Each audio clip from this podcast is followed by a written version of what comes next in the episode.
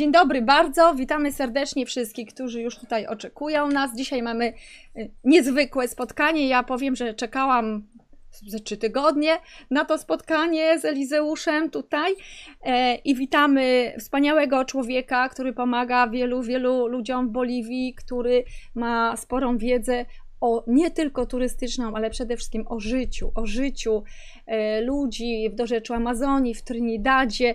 E, także serdecznie e, witam Ciebie, Elizeusz. Elizeusz Krzysztof Czwerenko. Witam serdecznie.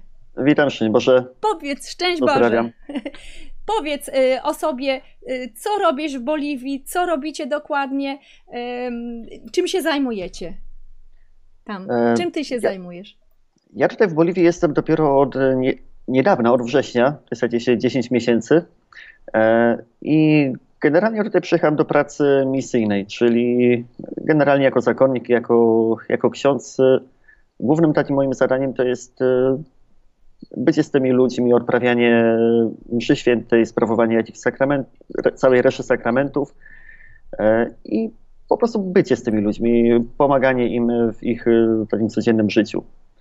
No ostatnio właśnie w tym czasie pandemii, no to tak się złożyło, że pomagamy też e, dosyć mocno e, właśnie tak materialnie e, organizując jakąś pomoc, żeby zakupić żywność, leki.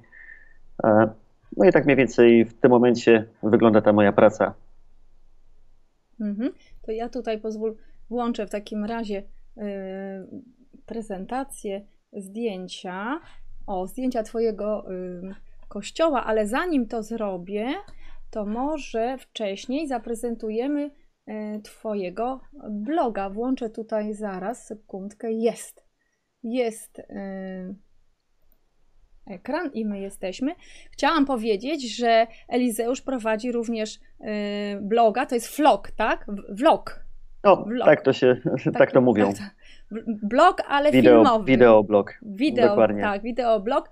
Yy, możecie znaleźć Elizeusza na YouTube. Elizeusz misyjnie. My tutaj widzimy już tą e, stronę, tutaj jest już kilka filmów i bardzo ciekawe, włączę nie jeden. Ma tego jeszcze, nie ma tam tak, jeszcze tego dużo, ale powoli się zaczynam rozkręcać. Bardzo że tak dobrze. Tak Właśnie tak chciałam włączyć, ale nie włącza nam się tutaj, nie chce się włączyć. To nic, zatrzymujemy ten film. Okej. Okay. O, jest, jaki piękny. Czekaj, czekaj, może się uda?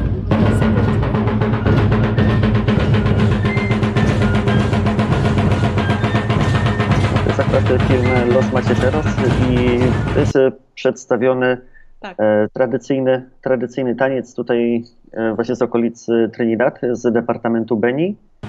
E, jak, e, jak właśnie ludzie e, tańczą, oddając, oddając właśnie chwałę Bogu w tym momencie, bo wcześniej to był też to był taniec e, wojenny, który też miał symbolizować e, zmartwychwstanie, zwycięstwo, zwycięstwo nad śmiercią i to było ich takie pierwotne e, znaczenie tego, e, tego tańca. E, a w pewnym momencie, jak, e, jak przyszli jezuici, jak zaczęli pracować też na tym terenie, no to właśnie to było dobre, że oni nie zakazali tych obrzędów e, całkowicie, tych obrzędów e, miejscowych, e, tylko zmieniło się troszeczkę znaczenie, tak muszę powiedzieć. I w tym momencie ten taniec symbolizuje właśnie zmartwychwstanie Chrystusa, zmartwychwstanie też człowieka po, po naszej śmierci, to właśnie taką nadzieję na, na to właśnie życie wieczne. I właśnie tak. przy takich większych uroczystościach mężczyźni tańczą właśnie ten, ten taniec. Bardzo charakterystyczne są te właśnie wielkie e, pióropusze z, z, z ary. E, do tego drewniane, drewniane maczety, tradycyjne stroje, tradycyjne instrumenty. Na przykład piszczałka jest wykonana z piszczela. Flet jest wykonany z piszczela, z kości. To nie jest żadna, żadne drewno ani żadne sztuczne rzeczy, tylko oryginalna kość jakiegoś zwierzęcia. Nie dowiedziałem się jakiego, ale. Tak, tutaj y, ja prezentuję Twoje piękne zdjęcie w takim pióropuszu z mieczem, takim drewnianym mieczem. Tak, to jest, to jest właśnie ta maczeta, o której, o której mówiłem. Nie, to jest akurat ta maczeta, z którą, z którą oni mhm. tańczą. Tak, i flagę boliwijską czerwono-żółto-zieloną. Dokładnie. Dokładnie. Tak, już wracamy. Za chwileczkę pokażę y, to, o czym mówiłeś, kościoły i waszą y, misję. Tylko potrzebuję sobie przestawić tutaj y, zdjęcia i. To jest akurat mhm. szkoła. Mhm. Szkoła w departamencie Santa Cruz, niedaleko, niedaleko San Javier.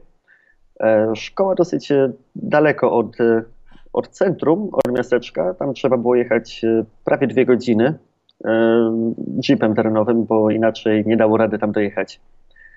E, to akurat było dziesięciolecie, świętowali dziesięciolecie tej szkoły. Mhm. A teraz y, są takie y, na butach takie ciekawe jakieś jak orzeszki. Co to takiego? Dzwoneczki drewniane? To są, to są wysuszone nasiona E, nie pamiętam jakiego owocu, ale suszone nasiona, które właśnie są przywiązane do kostek i podczas e, tańca e, właśnie one, one grzechoczą, no jako grzechotka. I to jest taki ludowy taniec po prostu i oni tak, tak. mają tak, takie tak, tak. grzechotki. I pewnie też wykonują jakieś ruchy nogami specjalne, tak jak u nas, kroki. Tak, Taneczne. właśnie tańcząc, tańcząc właśnie odpowiednio gdzieś tam tupią, odpowiednio jakieś tam przytupują, e, żeby, żeby też wydawać odpowiednie te dźwięki. Tak, tak. Tutaj są dzieci właśnie w tych pióropuszach. Przepiękne zdjęcia. E, mała przerwa techniczna. Widzę, że coś się stało z kamerą znowu. Mo, e, moją? ani, Czy... Tak, ani na Facebooku, ani tutaj u mnie. Już sekundkę, bardzo dobrze, dziękuję. Już pewnie Michał mnie włączy. Tak. Właśnie nic, nic nie widać. Słychać głos, ale Znowu stopklarka się włączyła. Czy jest już wszystko w porządku? Czy jest widać tą kamerę? Tak? Ważne, żebyś ty był widoczny. Halo? Ty jesteś widoczny Halo, na ja, Facebooku. Ja jestem, jestem widoczny. Tak. Ale tutaj cały czas widzę tak małą stopklatkę. Yy, moją, to nic, yy, ale tak, ty dobra, jesteś widoczny. No Wszyscy ciebie dalej. widzimy. Tak, ja też widzę stopklatkę moją. No, dobra, lecimy dalej z prezentacją. O, tutaj mamy piszczałkę piękną. Mhm. Tak? Tak. Tą, jest, o której mówiłeś. Mhm. Tak, to jest właśnie ta piszczałka z, wykonana z piszczela. Tak. O, piszczałka. Teraz mamy tutaj ten pióropusz. Tutaj jest ludność, która jest w Boliwii. Taka pani w takim kapelusiku stoi pięknym. Tak. Właśnie te kolorowe stroje, kapelusze. Mhm. E, właśnie to jest akurat e, taki ten strój e, tutejszy tak. z Departamentu Bani. A tutaj widzę właśnie zdjęcie z Santa Cruz. Właśnie ta kobieta w takim meloniku, jak tak. gdyby, z taką, z taką dosyć szeroką, mhm. rozłożystą mhm. spórniczką. Tak, tak. To jest właśnie kobieta z, z gór. to jest właśnie kobieta, kobieta z góry. W ten sposób właśnie bardzo, bardzo szybko można rozróżnić, kto, je, kto jest z gór, a kto jest z nizin. Właśnie te charakterystyczne spórnice, te, te meloniki i, mhm. bardzo długie, i bardzo długie włosy związane zwykle właśnie w dwa warkocze. Tak, tak. Także. Nic nie zrobię. Mhm. Także o, tutaj jest, jesteś ty. E, co tam dalej mamy jeszcze? Tutaj jest taki rzeźbiarz przepiękny. Mhm. E, chłopczyk, nie wiem, taki niski, mężczyzna, ale piękne e, rzeźby tak, robi. Mhm. Mężczyzna, on jest z e, Concepcion. Mhm. E, tam przy, przy katedrze e, jest, funkcjonuje właśnie warsztat stolarski, gdzie wykonują różnego rodzaju ozdoby, E, rzeźby nie tylko do kościołów, ale też e, jak pamiątki do sklepów. E, także te, te aniołki, tam u góry na, na mhm. ścianie jest zawieszony, taki charakterystyczny aniołek. To jest właśnie tutaj z tego, z tego regionu, z regionu tak. Cigdania. A powiedz właśnie, w jakim regionie jesteś? Bo Boliwia jest dość duża. Y, czy ona jest taka jak Polska, czy jest większa? Boliwia jest akurat trzykrotnie większa od Polski, jeśli chodzi o, jeśli chodzi tak. o terytorium. Tak. Jeśli chodzi o ludność, jest około trzy razy mniejsza, bo Boliwia ma około 13 milionów, 13 milionów ludzi na całym tym wielkim, na całym tym wielkim terenie. Mhm. Ja byłem na początku dwa miesiące w Santa Cruz. To jest jedno z największych miast w całej Boliwii, prawie 3 miliony ludzi. Potem byłem dwa miesiące w, właśnie w San Javier, kawałeczek dalej. A w tym momencie jestem w Trinidad. To jest departament Beni. To jest na północ, to jest północna część Boliwii. No i to już jest typowy tropik. To już jest typowa typowy klimat też e, tropikalny. E, Trinidad jest usytuowany na, e, na brzegu rzeki Mamore, mhm. plus kilka innych rzek niedaleko też jest. I to już jest do rzeczy Amazonki. Także rzeczywiście klimat jest tropikalny, rzeczywiście w tym momencie my zaczynamy tak naprawdę zimę tak. tutaj u nas. E, ale no dzisiaj temperatura to około 20, 28 stopni, e, słońce świeci, tylko że powoli, powoli zbliża się sur, czyli tak zwany, czyli taki wiatr południowy, zimny, który zwykle przynosi też e, z jednej strony bardzo duże opady, ale też bardzo gwałtowne ochłodzenie. Więc jeśli jednego dnia jest 30-32 stopnie, a w nocy temperatura spada do 12-14, plus następnego dnia jest około 14-15 stopni, plus porywisty wiatr i duża wilgotność, deszcz, no to rzeczywiście potrafi być zimno. Potrafiłem tutaj zmarznąć. Mimo tego, że to tropik, mimo tego, że generalnie 20 stopni to nie jest mało w Polsce, ale tutaj przy tych temperaturach, przy tej wilgotności 20 stopni, e, przy tym wietrze i wilgotności potrafi dać w kości. Bo to jest ta wilgotność od Amazonii, tak? Od rzek i od drzew. Taka tak. wilgotność tak. powietrzu. Tak. Mhm. Ja do, tego, mam... do tego ulewne deszcze i porywiste wiatry.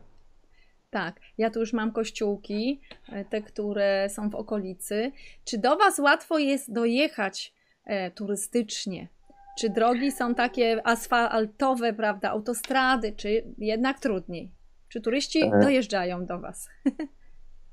I żeby tutaj do mnie akurat do Trinidad zajechać, to szczerze odradzam drogę lądową. E, dlatego że z Santa Cruz, gdzie jest duże lotnisko międzynarodowe, dokąd można na przykład z Madrytu przylecieć bezpośrednio do Santa Cruz. E, ja akurat leciałem no, troszeczkę okrężną drogą przez, e, przez Brazylię z przesiadką, ale z Santa Cruz do Trinidad, żeby dojechać lądem, to potrzeba w zależności od pory roku od 8 do 12-14 godzin. E, dlatego lepiej, lepiej wybrać się awionetką z Santa Cruz do, e, do Trinidad. Latają awionetki, tutaj w Trinidad mamy też e, małe lotnisko, takie krajowe, więc awionetka, z tego co tak się mniej więcej orientuję, to jest koszt około 400, 400 do 600 peso. To jest około 300 zł. 300-350 zł. E, I podróż trwa niecałą godzinę. Mhm. Więc można... tak, jak tak? to się planuje tutaj przyjechać, to tylko i wyłącznie samolotem. Ale można nawet jedno, jak jest jedna osoba, tylko czy one są te awionetki jak autobusy, tak? Mają ustalone godziny? E, jeśli nikt nie będzie chciał lecieć, e, no to nie polecą, ale generalnie mają, mają jakąś taką, jakiś taki harmonogram. Tak. Tak, a... tak mniej więcej. No wiadomo, jak... to jest Boliwia. Tak. Więc... A ty jak przyleciałeś tutaj? Awionetką czy jechałeś? E, ja jechałem. Jechałeś. Ja jechałem samochodem, dlatego że no, po przylocie z Polski, no to jednak miało się ten jakiś e, bagaż, żeby małą awionetką e, dwie walizki zabrać ze sobą. no, trzeba byłoby trochę więcej dopłacić i niekoniecznie by leciały razem ze mną. Prawdopodobne jest to, że wysłaliby kolejnym samolotem. Albo Czyli... tego samego dnia, albo następnego. Czyli te albo awionet... za dwa dni. Awionetki nie są takie duże, jak nam się tu e, wyobraża, tak? Malutkie samoloty. Nie, to są malutkie awionetki na 8-10 osób mniej więcej. Mhm. Tutaj właśnie e, mamy zdjęcie pań, które oleje jakieś ustawiają, nie wiem, makarony, mąki, różne e, dary. Powiedz, czym się zajmuje Wasza misja w Trinidadzie? Znaczy, no, my w tym momencie, właśnie tak jak na początku wspomniałem, staramy się pomagać ludziom w tym czasie pandemii.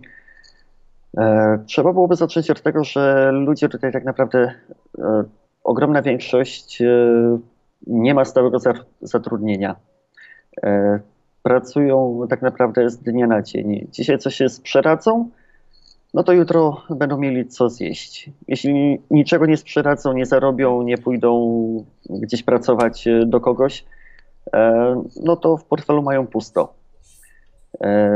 Jak przyszła, przyszedł ten czas pandemii, wszystko pozamykane, sklepy, zakaz handlu ulicznego, zakaz w ogóle jakiegokolwiek poruszania się po mieście, mhm. to rzeczywiście bardzo wielu ludzi zaczęło, zaczęło głodować. Nie, nie powiem, że umierać z głodu, bo, bo nie, ale rzeczywiście bardzo mocno zaczęli głodować i dlatego też po pewnym czasie E, te wszystkie restrykcje, e, jeśli chodzi o wychodzenie z domów, e, to tak patrzyli na to troszeczkę przez palce. No bo jednak głód był silniejszy i musieli gdzieś tak, tak. zdobyć te pieniądze, czy jakąkolwiek żywność. No i właśnie dlatego, dlatego my od samego początku staraliśmy się im pomagać. Do tej pory udało nam się około 4,5 tysiąca takich e, e, paczek e, dla rodzin przygotować. Taka jedna paczka jest tak wyliczone mniej więcej na rodzinę 3-4 do 5 osób na mniej więcej tydzień. Mhm. To jest 3 kilo ryżu, 2 litry oleju, 2 kilo, 2 kilo cukru, 2 kilo mąki, tam chyba 2 kilogramy E, makaronu, e, plus jeszcze jakieś tam mydło, coś tam jeszcze, w zależności od tego, kiedy kupowaliśmy, to różne rzeczy jeszcze dorzucaliśmy do tego. E, no i ponad 4,5 tysiąca takich paczek przygotowaliśmy. Każda paczka ważyła około 10-11 kilo, może tak. troszeczkę więcej. Więc mhm. to już tam 40 parę ton, 44 tony około mniej więcej, około e, zostało rozdzielone przez nas. I wy y, znacie tych wszystkich ludzi, y, mówicie po hiszpańsku, umiecie ich językiem mówić, tak? Ich języku, czy e, jest jakiś tak, problem? my się tutaj, my się tutaj po hiszpańsku porozumiewamy. Także raczej z tym nie ma problemu. Owszem, y, są też tutaj ludzie, którzy mówią w innych językach, tych takich swoich plemiennych, E, ale, ale oni praktycznie wszyscy, przynajmniej ci młodsi, znają też hiszpański, więc e, nie ma najmniejszego problemu, żeby się e, dogadać. Mhm. A ilu Polaków jest na takiej misji? Ile, ile jest z Polski ludzi typowo? Czy tylko ty, czy jeszcze jest parę osób? Paru tutaj, tutaj w Trinidad, mhm. tutaj widzę na zdjęciu, tak są e, trzy osoby. Po lewej tak. stronie jest e, e, Roque, to jest Boliwijczyk, on jest gwardianem, czyli przełożonym naszego klasztoru. Potem jestem ja z workiem cukru i ostatni jest Paschalis. To też jest Polak. My razem we trzech tutaj pracujemy. Trinidad wiem, że jest jeszcze jeden Polak, tylko że on pracuje, on jest z innego zakonu, pracuje w innej parafii. E, i bardzo często właśnie wyjeżdża rzekę typowo wypływa w dżunglę, e, zawiera się po mhm. prostu łódką i gdzieś tam płynie. Wiem, że dzisiaj z nim rozmawiałem, to przedwczoraj wrócił tak mniej więcej po miesiącu, e, po miesiącu z, wrócił, wrócił właśnie z dżungli, z rzek, po odwiedzeniu paru wspólnot. I generalnie tutaj w Boliwii polskich misjonarzy jest, nie pamiętam dokładnej liczby, ale około 30. No około 30 jest... Polaków. Głównie księża, zakonnicy, ale też jest parę osób świeckich, wolontariuszy, mm -hmm. którzy też pomagają na misjach, na przykład w domach dziecka albo albo gdzieś przy parafiach e, czy w szkołach. Tak, Także tak. nie, nie, tylko księże, ale też i świeccy ludzie. Jest to bardzo ciekawe, a e, mnie zawsze nurtowało właśnie, czym się różni misjonarz od mnicha, bo nieraz nam się mnich z mnichem buddyjskim na przykład może kojarzyć. A jak to jest, jak już mówimy o misji tutaj e, polskiej, bo ty jesteś tutaj w misji e, polskiej, katolickiej i pomagacie, jak, jak widać, bardzo, bardzo dużo pomocy tutaj dajesz ludziom. Czym się różni misjonarz od mnicha typowo?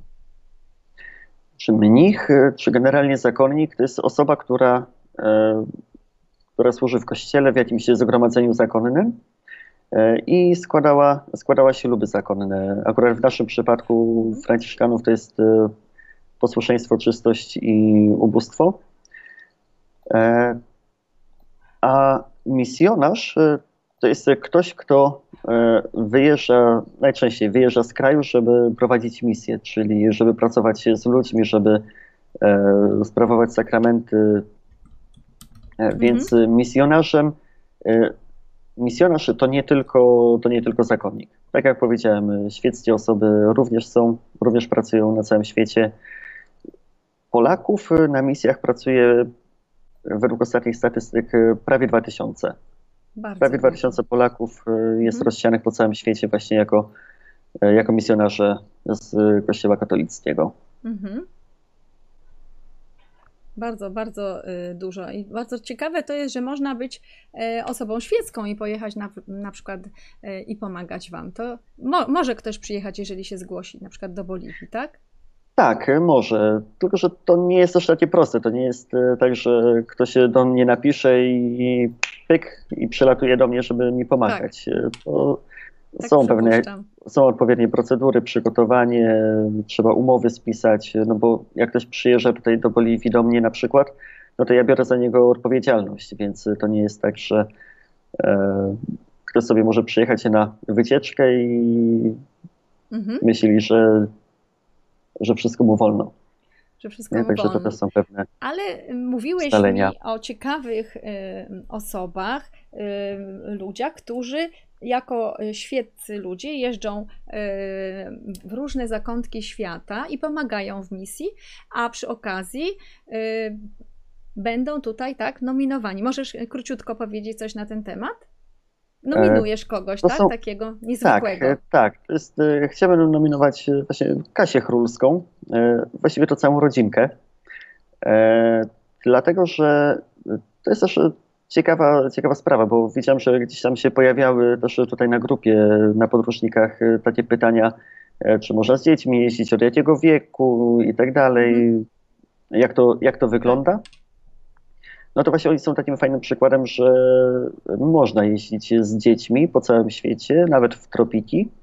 Mhm. E, I nawet na długo, bo oni właśnie pracowali nie pamiętam wszystkich krajów, ale na pewno, na pewno Paragwaj, na pewno Ekwador, e, czyli tutaj Ameryka Południowa. E, byli chyba jeszcze też w Panamie, e, na pewno w Azji jeszcze byli. E, no właśnie jeździli, jeździli z, ze swoją córką. W tym momencie ma 12 albo 13 lat, nie pamiętam. Niesamowite. A y, u ciebie byli na misji może? Jeszcze nie byli? Nie, ja się z nimi, ja, się ich, ja, się, ja ich poznałem e, jeszcze przed moim wyjazdem. A, widzisz, no. Bo jestem tutaj, no, tak jak powiedziałem, niecały rok, a oni już od, e, od kilku lat właśnie pracują. Ja ich e, spotkałem po, potem jak akurat wrócili z Paragwaju. Mhm. Przyjechali do Polski pod koniec wakacji, żeby, żeby właśnie to, trochę też odpocząć E, żeby też e, właśnie córka e, mogła, mogła poznawać egzaminy w szkole, bo ma nauczanie domowe, więc rodzice ją uczą. Uczy się też tam, gdzie jest, w tych szkołach. Mhm. Czy gdzieś tam od takich od nauczycieli, którzy tam pracują. Więc przyjechała do Polski, żeby postawać wszystkie egzaminy. No. I w tym roku, teraz mhm. właśnie parę dni temu wiem, że też zdawała, zdawała kolejne egzaminy po kolejnym, po kolejnym roku. Tak, to są niezwykłe dzieci jednak, które tak podróżują i inaczej w ogóle do życia już podchodzą, tak, się, tak mi się wydaje. No ale, ale to niech, to niech tak, właśnie tak. Kasia opowie, to ja już tutaj się nie będę wypowiadał. Y, ja mam takie e, do Ciebie pytanie. Czy możesz nam powiedzieć o Trinidadzie, skąd ta nazwa się e, wzięła? Kto tam wcześniej mieszkał? Jak jest teraz? Skąd ta nazwa? Może troszkę historii. Sięgniemy do e, historii. Troszkę historii. E, generalnie e, Trinidad, to pełna nazwa to jest Santissima Trinidad, czyli Święta Trójca. Mhm. I to miasto zostało założone w 1675 roku przez jezuitów. I na początku oni tutaj właśnie zaczęli pracować. Potem jezuici byli wyrzuceni, e, wyrzuceni tutaj z tych terenów przez króla hiszpańskiego w 1767 roku. E, potem to się, to się zmieniało, te misje, kościoły przechodziły też w inne ręce, inne zakony przechodziły. E, między innymi potem my, jako Franciszkanie, trafiliśmy akurat tutaj do, do Trinidad. 100 lat temu, w 1917 roku, E, Franciszkanie założyli wikariat apostolski, e, wikariat, wikariat apostolski e, Beni. No i tak tutaj jesteśmy do tej pory. Cały tutaj ten teren to jest ponad 150 tysięcy kilometrów kwadratowych powierzchni i na tym terenie mieszka około 210 tysięcy ludzi mhm. E, tutaj w okolicy. Samo Trinidad e, nie znana jest dokładna liczba ludności, ale tak od 160 do 180 tysięcy w samym tutaj mieście. Czyli generalnie wydaje się, że miasto dosyć duże, ale um, tylko się wydaje. Może patrząc na... na zabudowania, to, mhm. to jednak jest to bardziej taka wioska, takie ma, małe miasteczko niż, rzeczywiście stolica, stolica dużego departamentu. Mhm. Y, mówisz tak, że ono jest takie parterowo lub pierwsze piętro i parter? Czy takie budynki niskie? Najczęściej, najczęściej jest tylko e, parter. E, Nawet parter. Mhm. Najczęściej parter. E, piętro, pierwsze, drugie zwykle jest, zwykle jest w tych starych, e, w starych budynkach sprzed kilkudziesięciu, sprzed stu lat. E, albo już takie zupełnie najnowsze, ale to są zwykle już potem e, albo sklepy, albo sklepy, albo rzeczywiście jakiś, mhm. muszę powiedzieć, nowobogacki sobie tak. wybudował coś większego ale to są Bo... takie mieszane wtedy te nowoczesne z, tym, z, z, tymi starymi zabudowami, czy jest osiedle nowoczesne i osiedle Nie, to jest, starsze? to jest tutaj wszystko tak, taki mały miszmasz. Miszmasz. Mhm. Y, powiem tak, że wiele y, miasteczek na świecie i miast E, trzyma taką swoją zabudowę, nawet nie wyburza. Jeżeli w miarę te budynki są dobre, to się je konserwuje, bo są to nie, niesamowite zabytki historyczne. Czy możesz powiedzieć, że tam na przykład dla podróżników jest po co się wybrać do Trinidadu i są takie budynki e, jako zabytki? Można je taki, oglądać? Taki najważniejszy, akurat tutaj w Trinidad, taki najważniejszy budynek, e, no to to jest katedra. Katedra. E, mhm. Katedra, która też ma właśnie ponad, e, ponad 100 lat, e, została wybudowana mniej więcej w czasie, jak został zakładany ten wikariat apostolski, o którym wspominałem wcześniej. Mhm. A tak poza tym, jeśli chodzi o takie budynki stare, to raczej tutaj tego nie ma. Są niektóre takie trochę starsze, ale to, to nie powiedziałbym, że warte zwiedzania. Zwiedzania. Powie... jest, dla... kilka, jest kilka muzeów, których jeszcze nie zdążyłem e, odwiedzić, bo nie było kiedy, ale wiem, że jest kilka, kilka ciekawych muzeów, tutaj miejscowi mi opowiadali o tym. pewnie etnicznie, z ludowymi jakimiś sprzętami, Dokładnie. ubraniami, bo zawsze takie muzea są, e, historyczne jakieś, pewnie może jakieś malarstwo tam takie mm, okoliczne. E, A taka ciekawa, ciekawa jestem, a kto malował, jakie są malowidła w tej, w, w tej, w tym kościele, bazylice, tak? C- Katedrze, Katedra. w katedrze. E, Czy malowali, chodzi mi o to, czy malowali Indianie, czy jacyś mistrzowie, powiedzmy, hiszpańscy. Bo w wielu miejscach na świecie spotkałam się tak, że nieraz malowidła było Indian. I na przykład był barok w Meksyku w jednym kościele, barok, złocenia i mnóstwo, mnóstwo kolorów. No barok to jest brąz i, i, i złocenia na ogół, a tu było mnóstwo kolorów, owoce w przeróżnych kolorach, no niesamowity ten barok był. I właśnie dlatego, że Indianie malowali. Czy u was też coś, coś takiego To ja jest? powiem, ja powiem tak, ak- akurat tutaj w Trinidad y, ta katedra y, tak nie wygląda. To jest akurat y, bardzo prosty, Mhm. dosyć prosta konstrukcja. E, Kolory w środku też są dosyć, dosyć proste. Biel, biel gdzieś tam pomarańcz, y, trochę żółci, trochę żółtego. E, Nie ma jakichś takich y, finezyjnych malowideł na ścianach. Żeby coś takiego zobaczyć, e, to trzeba byłoby pojechać e, właśnie na taki, e, na wycieczkę właśnie w departamencie Santa Cruz. E, Tam, gdzie ja byłem. e, e, San Javier, Mhm. e, Mhm. San Javier, e, gdzie tam e, San Ignacio de Velasco, e, Concepcion. I to są rzeczywiście stare e, kościoły, stare klasztory e, pojezuickie, właśnie z e, końcówki XVII wieku, XVIII wiek. Pięknie zdobione, pięknie malowane właśnie przez, przez Indian, bogate właśnie w ich różne czy malowidła, czy rzeźby. Także tam rzeczywiście warto się wybrać. Tutaj akurat na Beni, jakby ktoś chciał przyjechać, to raczej ktoś, kto lubiłby e, naturę, przyrodę. E, Mhm. bo Departament Beni akurat jest e, najbardziej, e, e, najbardziej bogaty e, w takie zasoby naturalne, jeśli chodzi o e, puszcze, rzeki, różnorodność e, zwierzyny, ró- różnorodność e, ptaków, e, krajobrazów. To tutaj ktoś taki, kto chciałby zwiedzać przyrodę, jak najbardziej będzie miał e, dużo do zobaczenia. A jest takich osób naprawdę sporo, bo niektórym to się już te wielkie miasta nudzą, bo już zwiedzali po całym świecie i szukają właśnie takiego cichego miejsca, pięknego, z naturą, z ptakami. A zapytam Cię, a papuszki tam są też w tej Amazonii u Was, czy, czy tylko na Są. zdjęciach? Są. Są, to są, są. Jest tego. Jest tego tak naprawdę mnóstwo. E, Tutaj do klasztoru, e, do nas czasami jak- sobie siedzimy gdzieś tam e, przy, przy kawce na zewnątrz, no to czasami właśnie przylatują, żeby trochę poskrzeczeć e, i to są naprawdę głośne, czasami jest ich e, sporo. To powiem Ci, że wynająć taki dom jakiś na skraju właśnie, nie wiem, Waszego miasteczka, żeby miał jakiś widok piękny i tak pobyć tam chwilę, to chyba y, też może być marzenie wielu podróżników, żeby pobyć z naturą w spokoju po prostu. Myślę, że tak.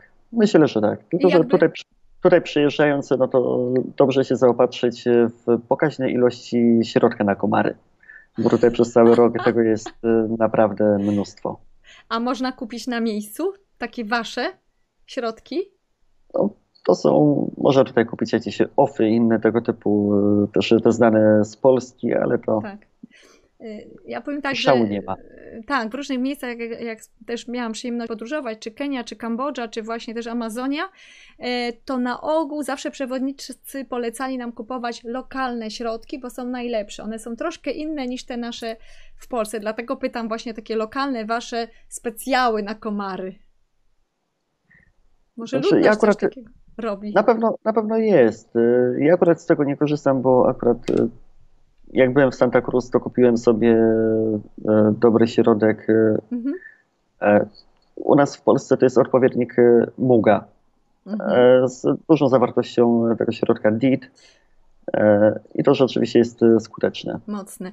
E, a jeżeli ktoś by chciał, na przykład faktycznie był zainteresowany, byłby zainteresowany przyjazdem tam w Twoją okolicę i pobyciem sobie właśnie na tym skraju miasteczka i już w dorzeczu Amazonii troszkę i jakieś takie podróże łódką, może też do plemion, czy byłaby możliwość na przykład, czy skontaktowania się z Tobą tutaj przez podróżników, czy prywatnie, żebyś coś doradził, podpowiedział, wskazał jakieś miejsce, kontakt? Jak najbardziej, jak najbardziej. E, Super. Dopóki tutaj będę, zapowiada się, że jakieś mm. jeszcze kolejne przynajmniej dwa lata, e, to jak najbardziej. Można pisać, pytać. E, Jakiś pokój gościnny zwykle się znajdzie pusty, więc nie powinno być problemu. Wspaniale, wspaniale. A myślę, że e, przy okazji można pomóc na misji tak samo, także troszeczkę pobyć, pomóc to jest coś innego od skocznia. A powiedz mi, zaraz przejdziemy e, z powrotem do Trinidadu, a powiedz mi, jeżeli by ktoś chciał pomóc tej misji, ktoś z Polski, powiedzmy, że go stać będzie i chciałby e, Wam pomóc, jakąś wpłatę zrobić, no wysłać towar to nie raczej, ale wpłatę jakąś. Czy jest możliwość taka? Wysłać towar to jest raczej niemożliwe, dlatego że to trzeba byłoby chyba wysyłać sztabki złota, żeby się to tak naprawdę opłacało. Tak. Bo wiem, że przesyłka z Polski jest e, bardzo droga tutaj do, e, do Boliwii i w tym okresie teraz e, nie ma, nie ma gwarancji, że w ogóle dojdzie. Na pewno będzie to trwało bardzo, długo, tak. bardzo dużo czasu i nie ma gwarancji, że dojdzie. E, a jakby ktoś chciał rzeczywiście pomóc, e, to myślę, że najlepiej byłoby skontaktować się osobiście ze mną. E, wtedy mogę podać numer konta. Mhm, bo my tutaj jako my tutaj jako Franciszkanie z Trinidad nie mamy założonej żadnej fundacji ani niczego takiego. Mieliśmy, mieliśmy założoną zbiórkę na zrzutka.pl. Właśnie z tego kupiliśmy niecały tysiąc paczek z tego co udało się w Polsce zebrać. E, więc e, no, można pomóc i chętnie przyjmiemy. I na pewno jest, na, jest ta, na pewno jest gwarancja, że e, ta pomoc na pewno trafi do tych ludzi, którzy tego potrzebują. Bardzo, bardzo się cieszę. Myślę, że wiele osób będzie chętnych, bo ludzie lubią pomagać i dość dużo na tym zbiórka.pl, tak, pomagamy.pl, to, to dużo, dużo pomocy udzielają Polacy. Także do Elizeusza, proszę zgłaszajcie się. Natomiast jeżeli chodzi o Trinidad e, i tą niską zabudowę, to powiem tak, że mnie się ten Trinidad, e, kiedy pierwszy raz słyszałam, jak rozmawiałam z Tobą o Trinidadzie, ko skojarzył z Trinidadem z, z, Kuby. I dokładnie to jest przepiękne miasteczko parterowe, tak samo, praktycznie parterowe. Czasy mają pierwsze piętro, niskie i dlatego tam ludzie właśnie jeżdżą zwiedzać. Po Hawanie jest to drugie miasto do zwiedzania właśnie Trinidad, dlatego że on jest tak oryginalny nie ma tych wielkich wieżowców. No, jest takie wyjątkowe, y, jakich mało jest na świecie. No, Kuba to jest akurat trochę inny świat. Ja tam nigdy nie byłem, ale tak widząc y, po zdjęciach, y, oglądając jakieś filmy, no to Kuba jest dużo bardziej, dużo bardziej kolorowa. Tutaj akurat Trinidad nie ma aż tak wielu kolorowych, kolorowych jakichś budynków, malowideł. Chociaż zdarzają się, zdarzają się też ładne jakieś zabudowy. Ale jest to takie oryginalne miasteczko, też godne y, zobaczenia po prostu, jeżeli ktoś by chciał. Tak, jak najbardziej. Mhm. Ba tylko, że tak jak powiedziałem, że bardziej tutaj jako taka baza wypadowa, żeby, żeby zwiedzić okolice Amazonię, to tak. Teraz pytanie jest znów od, turysty, od tury, turysty, o ja na przykład, tak? Chcę tam pojechać, albo ktoś z nas tutaj, słuchających.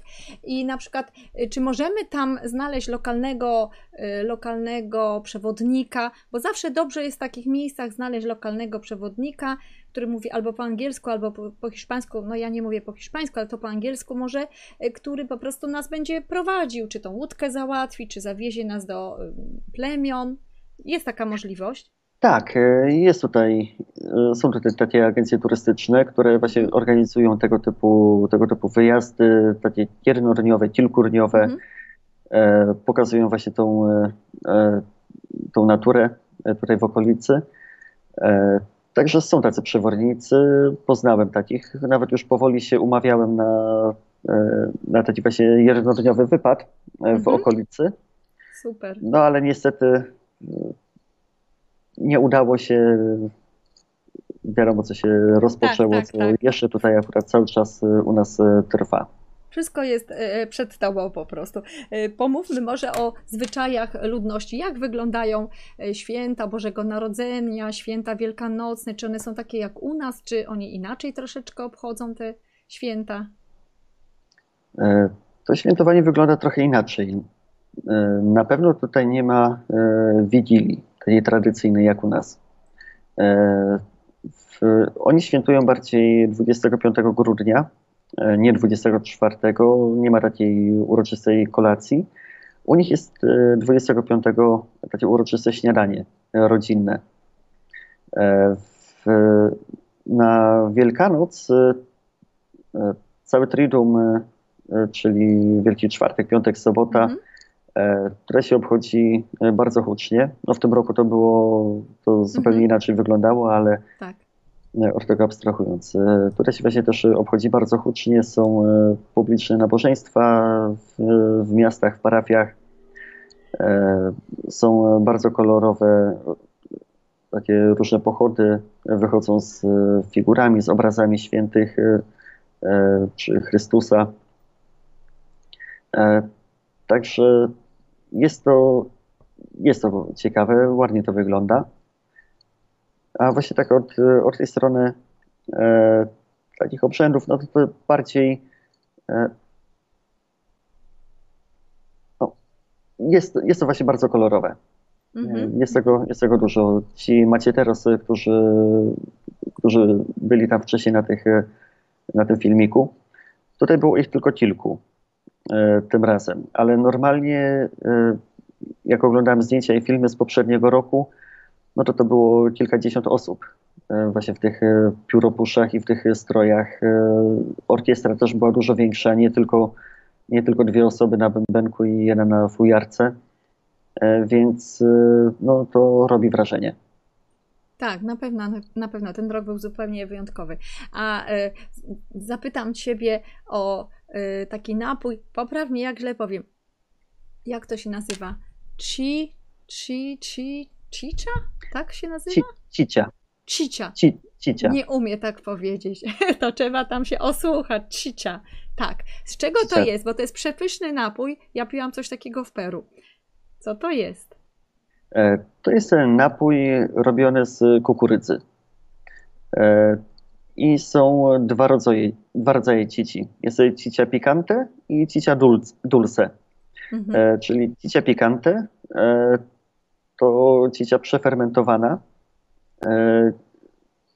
poddana właśnie procesowi fermentacji i zawiera, zawiera alkohol. To nie jest dużo, to jest tam 2%, 4%, mhm.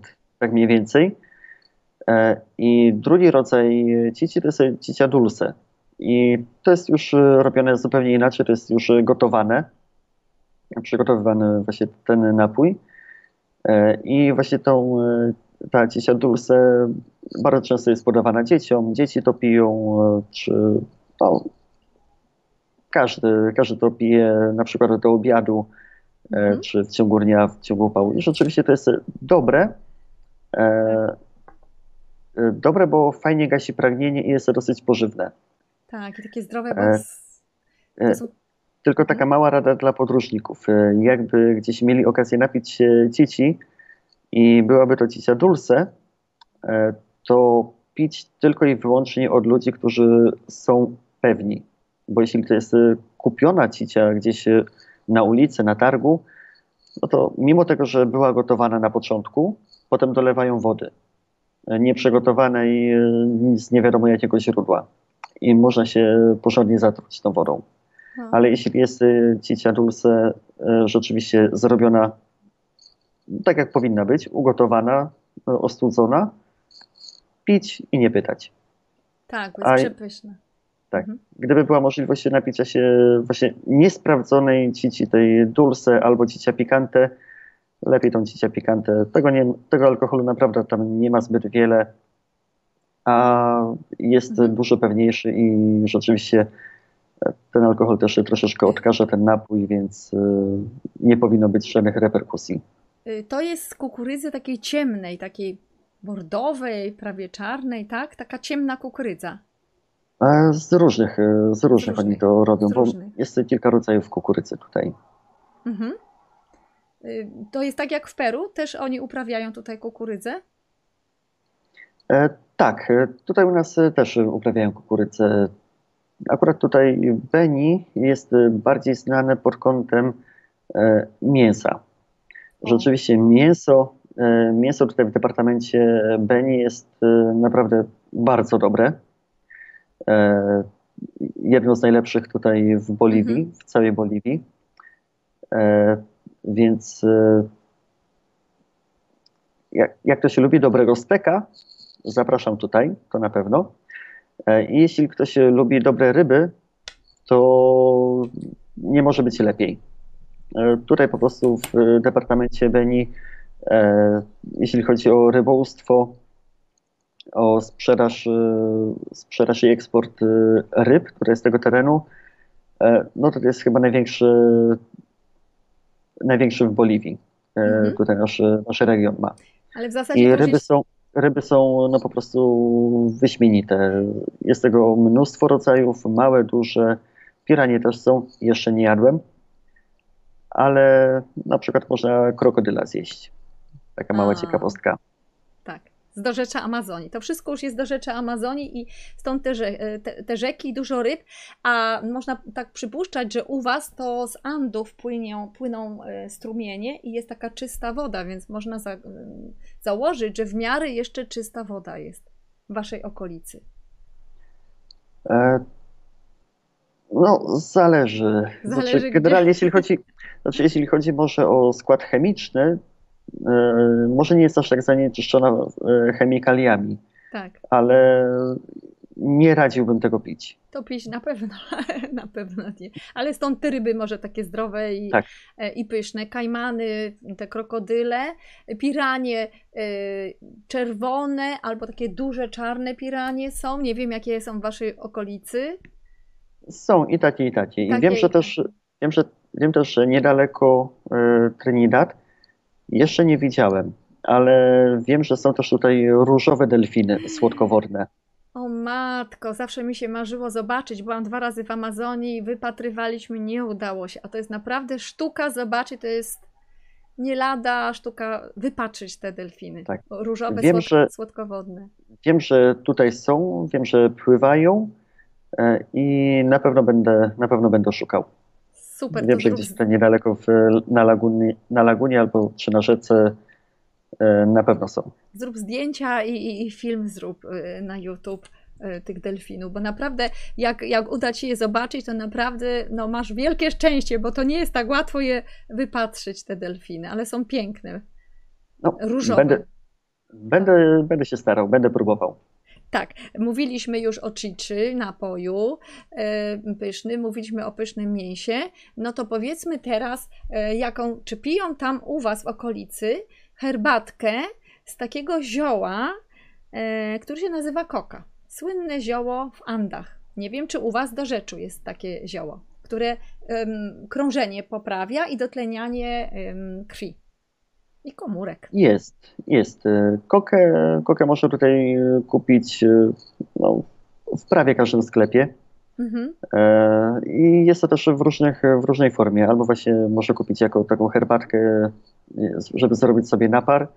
Sprzedają normalnie w pudełkach, e, w tych takich torebeczkach jak Lipton ze sznureczkiem. E, więc to jest normalna herbata, którą można sobie tutaj kupić e, i właśnie bardzo często polecają, jak ktoś ma problemy z ciśnieniem, mhm. e, właśnie żeby wyregulować trochę to ciśnienie. A wiem, że jak się jedzie w góry, e, to, to jest już obowiązek, żeby, e, żeby się zaopatrzyć w kokę e, albo właśnie w formie naparu, żeby pić, albo e, tak jak tutaj miejscowi bardzo często robią e, do rzucia. Do rzucia. Po prostu listki, listki koci plus e, coś tam jeszcze dodają, jakiś smak czegoś no i potem, potem to żują. I to właśnie bardzo często widać gdzieś tam pracowników, budowlańców na przykład, albo, albo kierowcy, czy gdzieś tam ludzie pracujący w różnych takich miejscach, widać potem właśnie takie, takie bolo, takie wypchane, wypchane policzek. E, no, to jest właśnie koka. Nie, oni tak, to, i on tam żuje po prostu. On, tak? on to posłużuje, trzyma tutaj pod tym policzkiem e, e, i no właśnie to powoduje też to, że nie chce się, nie chce się spać, pobudza krążenie. To tak jakby się wypiło taką porządną kawę porządną kawę. Tak, dotlenia mózg, y, oczy się od razu szerzej otwierają, bo to, bo to jest potrzebne w górach, gdzie jest mniej tlenu i wtedy tak. lepsze krążenie mamy, szybciej krąży krew, jest nam cieplej, po prostu tam przy okazji jest zimniej, chłodniej, ale cieplej i tlen do komórek, to oznacza energię w komórkach i tlen do komórek lepiej dociera, także y, my może kojarzymy to niewłaściwie, prawda? Znaczy, rzeczywiście z tych, samych, z tych samych listków, y, z tej koci, produkuje się też e, kokainę, tylko że to trzeba mieć e, e, kilkanaście kilogramów liści, żeby wyprodukować tam jeden gram kokainy. Także to rzeczywiście trzeba mieć naprawdę duże ilości, żeby cokolwiek z tego zrobić. Plus odpowiednią wiedzę, laboratorium, bardzo dużo tak. benzyny, ropy. No. I duże zanieczyszczenie środowiska się Dokładnie. E, robi. Także my się tym nie zajmujemy. Mówimy o, tutaj o ludowych sposobach, o obyczajach. E, jak domy wyglądają? Czy one są murowane z jakichś pustaków, z cegły, czy raczej z liści palmowych są robione? Jak wyglądają domy mieszkańców? E, dużo zależy od tego, jaką, jaką kto ma pozycję majątkową jeśli ktoś e, ma pieniądze, no to rzeczywiście buduje sobie domki e, murowane, ładnie otynkowane, jakiś ładny kolor i tak dalej. Ale jednak e, i takie domki są najczęściej przy, gdzieś przy głównych ulicach czy w centrum, w centrum miast, a na tych osiedlach na bariach, gdzieś tam troszeczkę z boku, no to takie domki są już e, rzadkością. Najczęściej to są jakieś, e, jakieś pale, czy jakaś, jakieś płyty, płyty pilśniowe albo deski. Mhm. Często dachy to są, to jest przykry, dachy są zrobione z, z blachy albo po prostu jakaś plandeka. Bardzo często tak. na wioskach widziałem to Właśnie w następnym, w następnym filmiku powinienem pokazać, e, który powoli się składa e, na tego vloga. Mhm. E, byliśmy w takiej jednej wiosce, gdzie 90% domów były zrobionych z, z patyków, z takich, z takich bali. Wszystko to było przykryte gliną, a dach plus e, część ścian e, były, były zrobione, uplecione z liści palmowych. I tak często w Trinidad też są spotykane takie domki. To są spotykane domki, które mają po prostu pale, coś położonego na dach, a ściany, a ściany są zrobione albo z, albo z jakiejś plandeki, albo jakiś baner ściągnięty z jakiegoś muru, baner reklamowy po prostu jako osłona przed, przed wiatrem. Tak, czyli bardzo wtedy najczęściej, wtedy najczęściej nie ma jako takiej podłogi, tylko to jest e, klepisko, to jest po prostu ubita, ubita glina, ubita ziemia. Mhm. A jak jest z mentalnością ludzi? Bo mówisz, że jedni są bardziej tacy majętni, a drudzy są bardzo biedni. Czy to tylko zależy od tego, że no nie poszczęściło im się i oni są no, z rodzin takich biedniejszych, powiedzmy, albo bogatszych? Czy to też różni się mentalność, że ci bogatsi to są z tego rejonu, czy oni są napływowi na przykład z Andów? Jakbyś to yy, rozważył? E, to nie jest też tak e, łatwo powiedzieć, ale rzeczywiście, jeśli chodzi o mentalność e, ludzi tutaj w Boliwii, e, no jest bardzo różnorodna.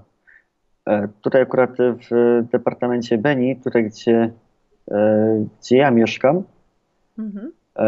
to już tutaj patrzę.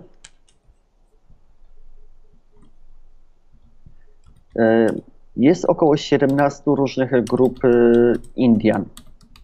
Tutaj akurat w moim departamencie. 17 mhm. różnych plemion, 17 różnych grup Indian. A jeśli chodzi o właśnie o tę taką różnicę mentalnościową, no, najłatwiej to można powiedzieć, że są, jest część ludzi z nizin, e, tutaj właśnie z Dorzuczy Amazonki, jest część ludzi z, z gór. To są dwie zupełnie odrębne e, grupy ludzi. E, ci z gór, no to jak to górale, to nawet w Polsce górale są troszeczkę inni, bardziej zaradni, są mhm. twardsi, mają, mają jakieś swoje zasady, których się trzymają potrafią być zaradni, potrafią zarabiać, potrafią e, do tego e, dostosować swoje życie. I tak samo właśnie tutaj ci górale z And. E, oni są, oni właśnie bardzo często prowadzą różnego rodzaju interesy. Mieszkają nie tylko tam, nie tylko w Andach, ale rozjeżdżają się też po całej, po całej Boliwii i tutaj w Trinidad też mamy takich właśnie stamtąd ludzi. Oni prowadzą sklepy, prowadzą je bardzo dobrze i na zewnątrz oni nie pokazują, że mają, ale wiadomo, że oni zwykle, zwykle mają dosyć, dosyć dużo pieniędzy, zarabiają dosyć dobrze, no ale to, jest, to są lata, lata ich pracy. To nie jest tak, że każdy, każdy kural z Ant jest bogaty. Nie, nie, nie oni przez lata wypracowują dla siebie, dla swojej rodziny właśnie ten taki majątek. A ci ludzie e, tutaj z nizin, no to wynika też e, z ich e, klimatu. Nie muszą aż tak bardzo się starać, nie muszą aż tak bardzo zabiegać o to, żeby za miesiąc, za dwa miesiące mieć co jeść, no bo będzie głodny, pójdzie do lasu, zerwie, zerwie jakieś mango albo, albo jakieś inne owoce, no i będzie miał. Tak. Więc e, tutaj jest taka bardziej mentalność z dnia na dzień. Co ma być, to będzie. A maniana, padre, no super okupę. E, nie, proszę się nie przejmować, spokojnie, wszystko będzie dobrze. Nie, to jest właśnie taka, taka główna różnica. I wielu ludziom właśnie tutaj też e, e niestety nie powiem, że nie zależy, ale po prostu nie potrafią nie potrafią myśleć e, do przodu, nie potrafią myśleć w przyszłość i przewidywać pewnych skutków. Mhm. Dlatego tutaj też jest to niestety, ale spory problem.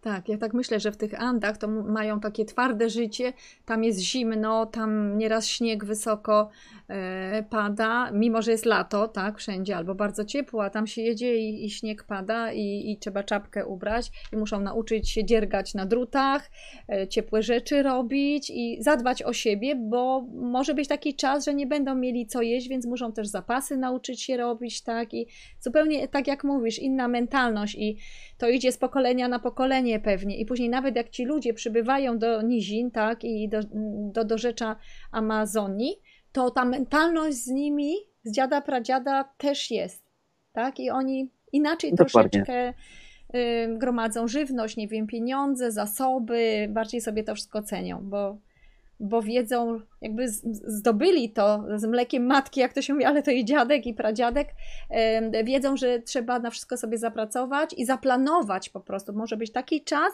że nie będzie ani jedzenia, ani no nic. Zimno może być, więc trzeba zaplanować drewno i, i żeby było ciepło, tak tam w górach. Więc Dokładnie. to jest taka troszkę inna e, mentalność. To jest bardzo ciekawe właśnie, e, co, co tutaj mówisz. Czyli w zasadzie e, Boliwia to można by powiedzieć dwa regiony przede wszystkim, ten górski i, i tutaj do rzeczy Amazonii, czy jeszcze jakoś inaczej można by ją podzielić? E, gdyby wejść w szczegóły, to można byłoby tych regionów znaleźć dużo więcej, e, bo tak naprawdę każdy departament e, ma swoje zwyczaje, ma swoje, ma swoje gdzieś tam swoją historię, swój język też -hmm. bardzo często. Więc tych regionów tutaj byłoby dużo więcej do, do wyszczególnienia, ale tak z grubsza można rzeczywiście powiedzieć, że są góry i, jest, tak. i są niziny. Wracamy Ale to jest do... tak, e, tak bardzo, bardzo pobieżnie. Wracamy do Twojego rejonu. A jak z winem szalnym? Czy tam macie winnice jakieś, czy Hiszpanie przywieźli takie sadzonki, jakieś takie dorodnych winogron i sami robicie to wino, czy, czy trzeba kupować, sprowadzać? Mszalne tak. oczywiście. Tutaj, e, tutaj akurat e, Trinidad, Departament Beni nie, nie hoduje wina. Wino jest hodowane w okolicy Taricha, to jest e, bardziej na południu, na południu kraju. Mhm. E, I tam rzeczywiście jest to rejon taki rzeczywiście bardzo winiarski, tam są żyzne gleby. E, tak. I te wina tutaj boliwijskie są dobre. Rzeczywiście są, są dobre, dobrej jakości i to właśnie produkuje południe kraju, okolice Taricha. Tak, tak dlatego a pytam. Tutaj, a tutaj właśnie bo tutaj Beni e, nie jest te, ziemie tutaj nie są aż tak żyzne. Niestety, hmm. ale dlatego najczęściej tutaj są hodowane, e, jest hodowane bydło, a, a nie, są, nie są hodowane na przykład warzywa. O, bardzo ciekawe. Bo a... warzywa mają tutaj rzeczywiście ciężko ciężko, takie może za wilgotno albo z ziemi jest za wilgotne. Natomiast... Ziemia jest, ziemia jest mało, ja, e, jest, ziemia jest jałowa, mhm, kiepskiej mhm. jakości. Mhm. E, a jak jest, jeżeli jesteśmy w dorzeczu Amazonii, e, to jak jest z naturalnymi lekami? Bo medycynę klasyczną to jako taką pewnie macie, nie wiem, czy na wysokim poziomie, czy nie, to jeszcze nam powiesz, jak ze szpitalami. Natomiast też medycyna naturalna. Czy, no, bogat, y, biednych ludzi nie stać na, być może na różne leki farmakologiczne. Jak sobie ludzie radzą? Czy Amazonia ma dla nich jakieś naturalne leki, zioła? E, jest tego sporo. E, tych naturalnych leków e, jest tutaj sporo i rzeczywiście ludzie potrafią z różnych e, roślin, liści, e, owoców przygotowywać odpowiednie leki. Nie chcę tutaj wchodzić w szczegóły, bo akurat z tego nie porobiłem sobie notat, notatek. Receptury, tak, to, to są Receptur taj, sobie nie tajniki, porobiłem, ale tajniki. nie, to, tak? to powiedzą, opowiadali mi już o tym wielokrotnie, o różnych, o różnych roślinach, że liście tego są dobre na, na ciśnienie, mhm. te wzmacniają odporność, to jest przygotowane z miodem i z czymś jeszcze e, na przeziębienie i tak dalej, i tak dalej. Rzeczywiście mają sporo takich tej medycyny takiej naturalnej, tej takiej ludowej i stosują to.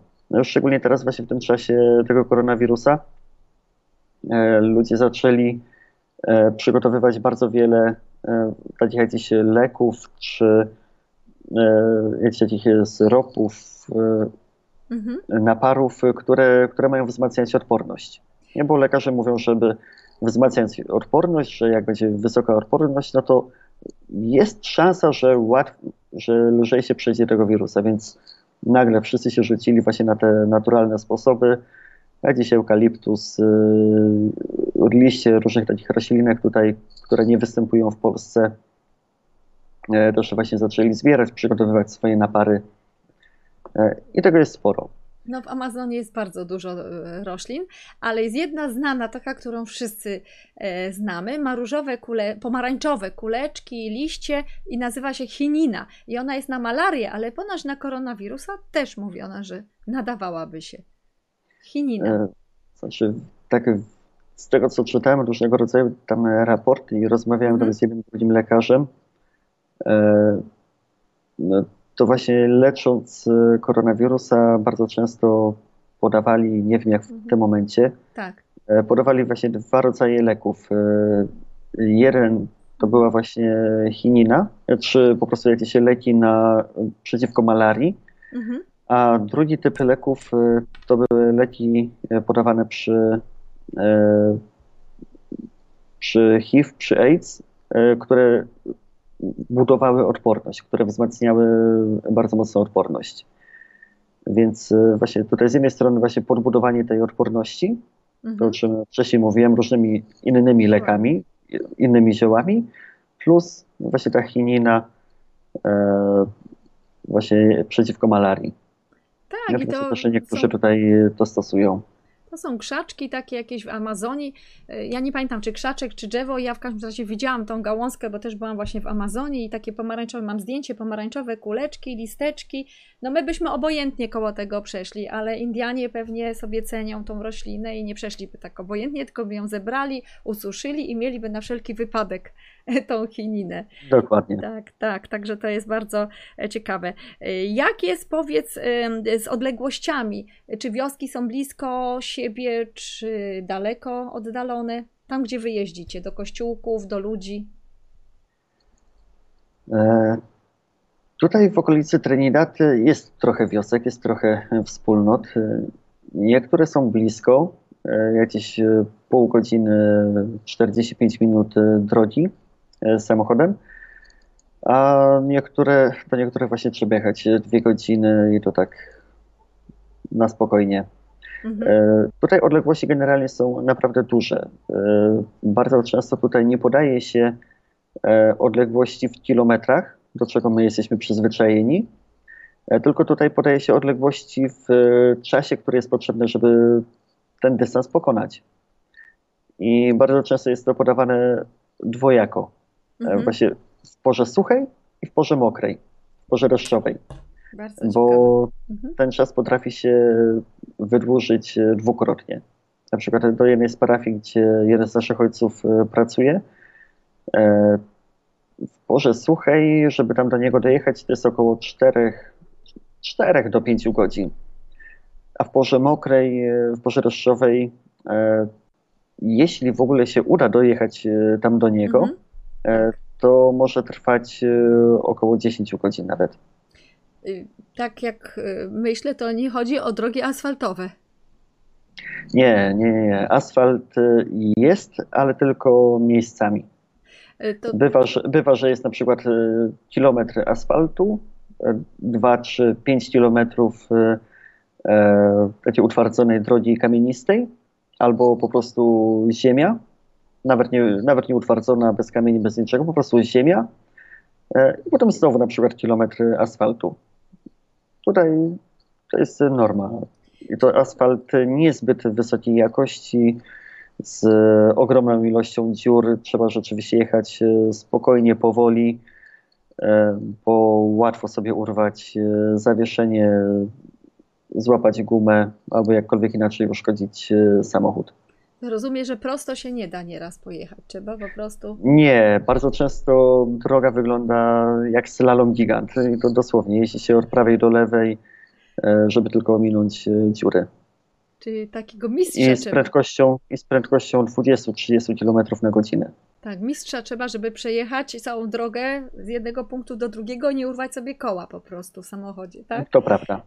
Ale te małe samochodziki to chyba tam już się nie nadają, tylko takie same duże takie y, samochody.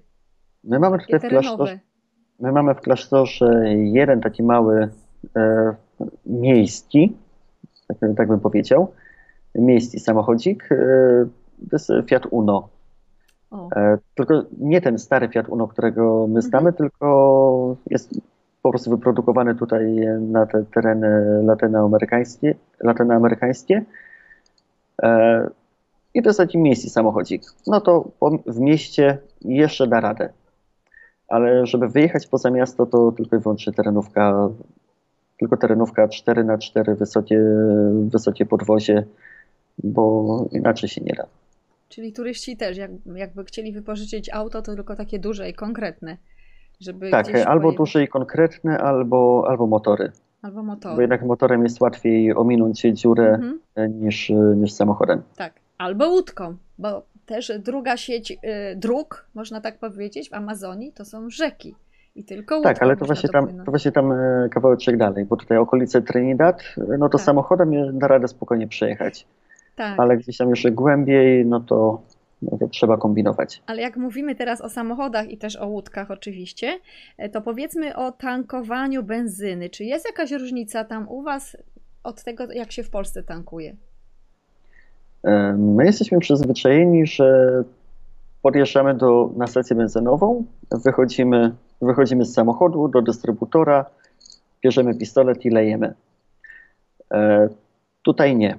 Tutaj podjeżdża się pod, pod dystrybutor i zawsze, zawsze jest obsługa, dlatego że żeby zatankować, pracownicy muszą wpisać numer rejestracyjny pojazdu, samochodu albo motoru. Mhm. I i oni tankują, oni wpisują ten numer, numer rejestracyjny. E, on, on jest też drukowany na, e, na paragonie, e, który dostajemy i to wszystko zostaje w systemie. Dlatego, że państwo tutaj chce mieć kontrolę nad tym, kto ile benzyny, benzyny czy tam ropy zużywa. Dlatego, że ropa to, benzyna jest używana do produkcji narkotyków. Więc jeśli ktoś używa, ktoś nagle zacznie używać e, wielkiej ilości benzyny, no to znaczy, że albo sam produkuje, albo sprzedaje, sprzedaje właśnie tym handlarzom e, tą benzynę. Więc e, tutaj jest, jest to sprawdzane, jest to kontrolowane, kto ile, kto ile benzyny zużywa. tak bardzo normalnie jeżdżąc nie ma problemu ale jeśli nagle ktoś e, komuś podskoczy bardzo wysoko, to może być się na celowniku e, władzy. Czyli każdy jest odnotowany, każdy samochód, y, motorek, tak? Wszyscy. Tak. To tak. jest bardzo, bardzo ciekawe. A jak jest z benzyną, e, jeżeli chodzi o łodzie, bo też łodzie motorowe, one też potrzebują benzyny nieraz, te pływające po rzekach. Czy też jest u Was coś takiego jak dystrybutory paliwa na rzece, że można podpływać i tankować? Nie wiem. A, nie wiesz, bo w Amazonii... Nie wiem, nie wiem bo jeszcze, jeszcze nie byłem, jeszcze nie wypływałem. Bo nie było kiedy. Tam w Brazylii, w Amazonii, w okolicy Manaus, to właśnie są takie e, punkty dystrybucyjne paliwa, gdzie dużo łódek podpływa, tankuje sobie, tam są sklepy, tak jak u nas. Można pójść do sklepiku przy okazji, kupić sobie coś tam i odpłynąć jakieś dowolne miejsce. A jak u Was są delfiny tam w okolicy, w dorzeczu, to myślę, że tam są delfiny, gdzie jest jednak głęboka woda i szeroka, więc mogą być też takie e, dystrybutory. A jak mówisz... Mogą mm, być. No, mogą być. To właśnie jak będziesz tam gdzieś kiedyś w okolicy, to porób zdjęcia też, bo to jest bardzo, bardzo ciekawe. Nagle na środku rzeczy taki, taki dystrybutor paliwowy ze sklepikiem. na rzeczy, na, na środku rzeki. A powiedz jeszcze właśnie, skoro e, tak jest pilnowane to paliwo, paliwo, to mi się tak troszkę z systemem komunistycznym kojarzy.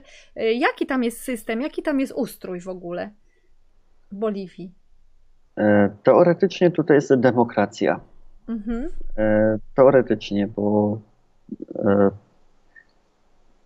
ostatnim prezydentem był Evo Morales Ayma, który, który był właśnie socjalistą, był komunistą. Mhm. Kilka lat rządził w październiku, w październiku czy w listopadzie były, były wybory e, i e, dopuścił się e, dosyć znacznych machlojek, jeśli chodzi o tak. głosy i tak dalej. Generalnie musiał uciekać z kraju. Prezydentem został, została a wyleciał mi z głowy Kobieta, Anies. Tak? Nazwisko, nazwisko Anies tak, e, kobieta, jej przysługiwało prawo właśnie nie z mhm, wyboru, mhm. tylko e, zgodnie z konstytucją e, ona była kolejną osobą, na którą, na którą sparał ten obowiązek, jak prezydent i wiceprezydent tak. kraju uciekli. Były za nim wysłane listy gończe też przez Interpol. Wiadomo, że siedzi w Argentynie w tym momencie i politycznie przez internet dalej tutaj miesza E, w kraju, bo tak. zbliżają się kolejne wybory. E, on razem ze swoją partią chciałby odzyskać władzę, e, co na pewno nie byłoby dobre, bo no, on jednak no, jako socjalista bardzo, bardzo mocno tutaj zapuścił kraj. Bardzo wielu ludzi, wczoraj rozmawiałem z jedną, z jedną osobą, też mówiła, że w przyszłych wyborach niech będzie ktokolwiek, tylko, tylko nie właśnie ta partia MAS od Ewa, Ewa Moralesa. Bo będzie dalej tak jak było, dalej będzie korupcja, współpraca z, z tymi baronami narkotykowymi, znowu nic nie będzie działało tak jak powinno, wszystko będzie znowu na, tylko pod publiczkę, a tak naprawdę nie będzie nic działającego. Jak mówimy o wyborach, to czy tam ludność jest cała ludność piśmienna, czy są osoby, które nie umieją pisać albo czytać? Czy są jeszcze takie osoby? Czy wszyscy chodzą do szkoły, wszystkie dzieci? Ludzie są w miarę wykształceni w pisaniu i, i czytaniu, tak i liczeniu. E, oficjalnie czy nieoficjalnie? A i tak, i tak. Oficjalnie każdy jest piśmienny, nie ma żadnego analfabetyzmu. E, nieoficjalnie e, bardzo wielu ludzi powyżej, tak strzelam w tym momencie, ale około 50-60 roku mhm. życia nie potrafią pisać, nie potrafią czytać. E, i na przykład ich e, dowody, e, dowody osobiste, czy na przykład podpis w banku albo w jakimś urzędzie innym, to nie jest długopis i podpisanie się swoim nazwiskiem, tylko mhm. odcisk palca. Na, na dowodach osobistych jest też odcisk palca.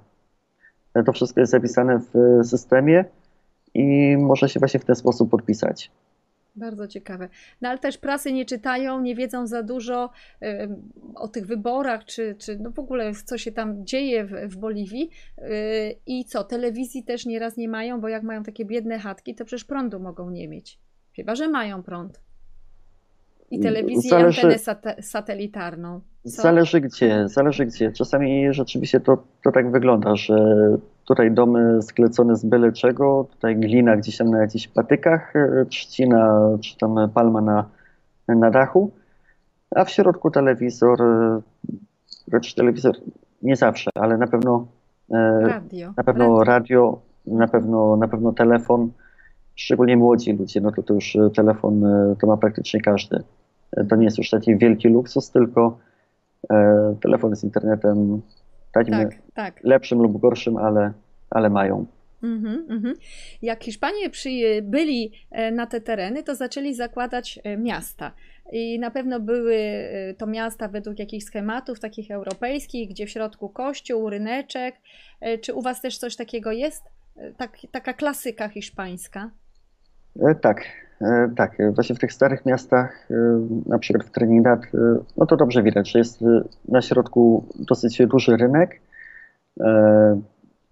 jest jakaś, jakaś fontanna, jakiś mhm. pomnik, sporo drzew, w tym momencie też jakieś ławeczki, alejki, żeby usiąść. Tak. Z jednej strony rynku kościół, gdzieś niedaleko zwykle właśnie posterunek policji albo E, jakiś ratusz czy urząd miasta, jak zwał, tak zwał. E, więc tak, to centrum e, praktycznie wszędzie wygląda podobnie, że kościół, kościół na, na jednym szczycie tego rynku, a cała reszta gdzieś w okolicy. Tak, a Santa Cruz to Santa Święty. O co chodzi? Cruz, co to jest? Santa? Santa Cruz to jest Święty Krzyż. Święty Krzyż, o, tak. to tak z angielskiego trochę podobny, ten hiszpański nawet, bo crossing, też krzyż i krzyżowanie. A Santa Javier to jest święty... San Javier to San święty Xavery. San. Javier to święty Xavery. I to są nazwy miejscowości. Mógłbyś coś troszeczkę powiedzieć jeszcze na koniec na ten temat? Jak to daleko jest od Was? E, Santa Cruz ode mnie e, to jest około 530-550 kilometrów. E, samochodem się jedzie właśnie tak od 8 do 12 godzin, zależy. Mhm. E, San Javier jest e, troszeczkę bliżej.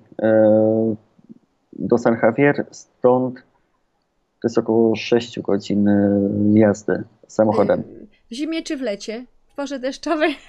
W porze suchej. W porze tak suchej. To jest właśnie tak około, około 6 godzin. To znaczy, że w deszczowej jeszcze dłużej, dwa razy tak. dłużej. Tak co najmniej. Tak, a teraz takie pytanie. E, ja byłam akurat na e, jeziorze Titicaca, najwyżej położone, zamieszkane jezioro chyba w świecie, 3,5 tysiąca metrów nad poziom morza. I tam jest część, część mieszkańcy Peru i część boliwijska, mieszkańcy Boliwii. E, tam są Indianie Uros. E, to oni są specyficzni, ponieważ oni mieszkają na w zasadzie na platformach z trzciny cukrowej, mm. nie na ziemi, tylko pływające platformy e, po jeziorze. Nie chcą mieszkać na, na lądzie stałym. Natomiast, e, natomiast jak właśnie jest z tym mieszkaniem w Andach, ludzi? Czy masz jakiś kontakt? Jak to daleko też od Was jest? Jeżeli ktoś by stąd chciał pojechać tam, na przykład zwiedzić sobie tą okolicę Titicaca, jak mógłby się tam dostać? Albo odwrotnie, stamtąd do Was? Tutaj ode mnie e, to właśnie to, co, to, co mówiłem. Najlepiej, najlepiej polecieć mhm. samolotem. E, samoloty, samoloty kursują, latają właśnie do, do La Paz E, do La Pasa, do, do Oruro Potosi czy innych tego typu miejsc w okolicy, e, tam już w górach. E, I samolotem leci się około godziny, może troszeczkę dłużej. To jest ponad 1000 kilometrów. Mhm. Samochodem według mapy, według mapy Google to się jedzie około 26 godzin. 24-26 godzin ale trzeba na to wziąć e, dość dużą poprawkę, e, także około 2, 2 do 3 dni e, jazdy. Także można, ale najlepiej lecieć samolotem. To jest taka prawdziwa wyprawa i trzeba by było chyba zatrzymywać się w różnych miejscowościach i zwiedzać sobie przy okazji te. Tak, jeśli, jeśli ktoś by chciał zrobić taką wycieczkę objazdową, na zasadzie takiej, że zaczynamy w jednym miejscu, kończymy w drugim i po drodze zwiedzamy co nam się spodoba albo co będziemy mijali ciekawego, to tak, to, ale to wtedy inaczej się ten czas e, liczy, bo to nie chce się dostać na szybko z jednego miejsca w drugie, tylko to jest już cała podróż, zwiedzanie po kolei tak. e, całości. I tak e, też można. Tak. E, tym bardziej, że tam w Andach, e, właśnie, że jadące do La Paz bodajże, mhm. to trzeba przejechać przez tą, przez tą drogę E, najniebezpieczniej, najniebezpieczniejszą drogę świata, e, droga śmierci. To jest tam dosyć znana, właśnie taka e, dosyć niebezpieczna, w gór, wysoko w górach, nad przepaściami, dużo serpentynek. Ponoć bardzo urokliwa, malownicza. Bardzo wielu turystów właśnie tam, tam chce, się, chce się przedostać tą drogą. Tak, z tego co wiem. Autokary, tego, też tam je, autokary też tam jeżdżą, czy tak, raczej za duże? Tak, tak jeżdżą. jeżdżą też autokary, jeżdżą, e, jeżdżą duże ciężarówki, no bo tamtędy, tamtędy jedzie całe, e, całe zaopatrzenie do, do La Paz. Mhm. Coś takiego, to też bardzo ciekawe. Co jeszcze możesz nam powiedzieć na koniec takiego e, ciekawego, co tam przygotowałeś o Boliwii? Ja nie muszę zadawać pytań. Na pewno jeszcze masz dużo, dużo do opowiedzenia. Znaczy, do powiedzenia byłoby naprawdę bardzo dużo, tylko że no, ciężko, tak, e, ciężko tak strzelać jakimiś takimi krótkimi tematami. E, ja mogę powiedzieć, że jeśli ktoś chciałby się dowiedzieć czegoś więcej, niech pisze e, do mnie osobiście, czy, czy na grupie, gdzieś tam wystarczy mnie wymienić, to będę starał się odpowiadać na jakiekolwiek pytania, o ile tak. będę wiedział. Tak, znaleźć Ciebie można na y, YouTube, już pokazywaliśmy na początku, vlog, tak, vlog. Y, Elizeusz, misję, dobrze pamiętam? Elizeusz misyjnie. Misyjnie, Elizeusz misyjnie, właśnie. O, i też można tam zadać pytanie e, po, w komentarzu, tak? Można zadać pytanie, można no, poprosić o kontakt, jak się z Tobą skontaktować, można Ciebie znaleźć na Facebooku e, i również e, skontaktować się, także zapraszam serdecznie do kontaktów. Ja myślę, że wielu podróżników, którzy by się wybierali w, tamtą, w tamte strony, to, to na pewno skorzysta.